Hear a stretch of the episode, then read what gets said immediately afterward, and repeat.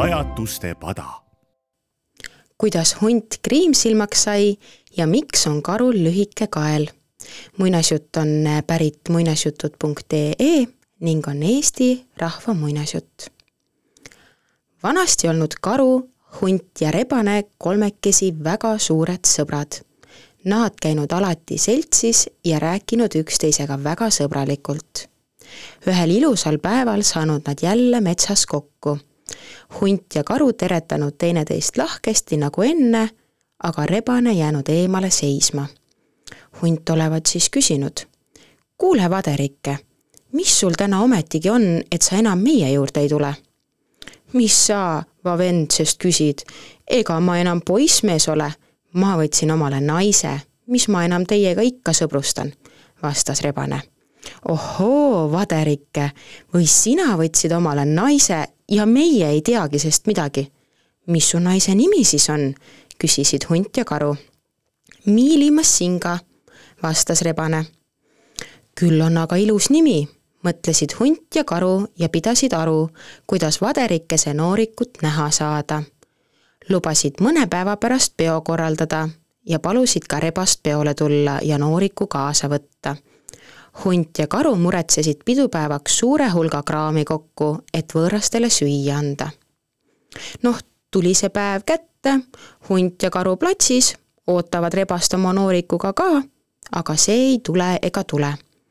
hunt karule ütlema, sul, vavennike, head kõvad käpad, roni õite sinna suure kuuse otsa ja vaata, ehk näed teisi tulemas. va mesikäpp roninud kuuselatva, vaadanud ja ütelnud rõõmuga. oh, pole viga, juba tulevadki soo pealt. vana vader käib ikka vee sees solka-solka, aga noorik ei ise taha jalgu märjaks teha. kargab teine ühe künka otsast teise otsa. karu vaadanud ikka veel ja viimaks ütelnud. see on vist kütt, püss näikse teisel õlal olema hunt täi-, hirmu täis. ohoo, hull vaderike, tema toob jahimehe siia meile kallale. sa oled seal paksu kuuse otsas, sul pole nõnda karta, aga mina, vaenekene, olen üsna hädas küti käes. karu nägi teise kuuse all suurt risuhunnikut ja käskis hundil sinna varjule pugeda. noh, hea küll, rebane jõudnud koos oma noorikuga kohale, kes polnudki jahimees vaid hoopis kass. Nad pannud siis imeks, et tutvumispeo tegijaid endid pole kusagil näha, hakanud aga siiski head sööki tublisti nahka panema. kass roninud toiduhunniku otsa ja otsinud sealt omale kõige paremad tükid, sealjuures hirmsasti nurisedes.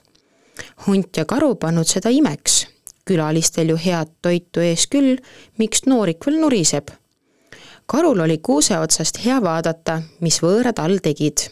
kuna hunt risuhunnikust kuigi hästi ei näinud, hakkas ta pead tõstma. oksad kõik ragisesid.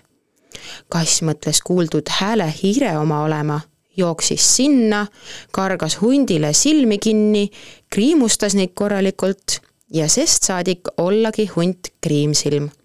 hunt kargas valuga välja ja pistis jooksu kass mõtles, et hunt tuleb teda taga ajama, jooksis hirmuga kuuse otsa, kus karu varjul oli. karu ronis ülespoole, viimaseks läks kuuselatv katki ja karu kukkus kõige ladvaga prantsti alla kaela peale. ja sest saadik ongi karul lühike kael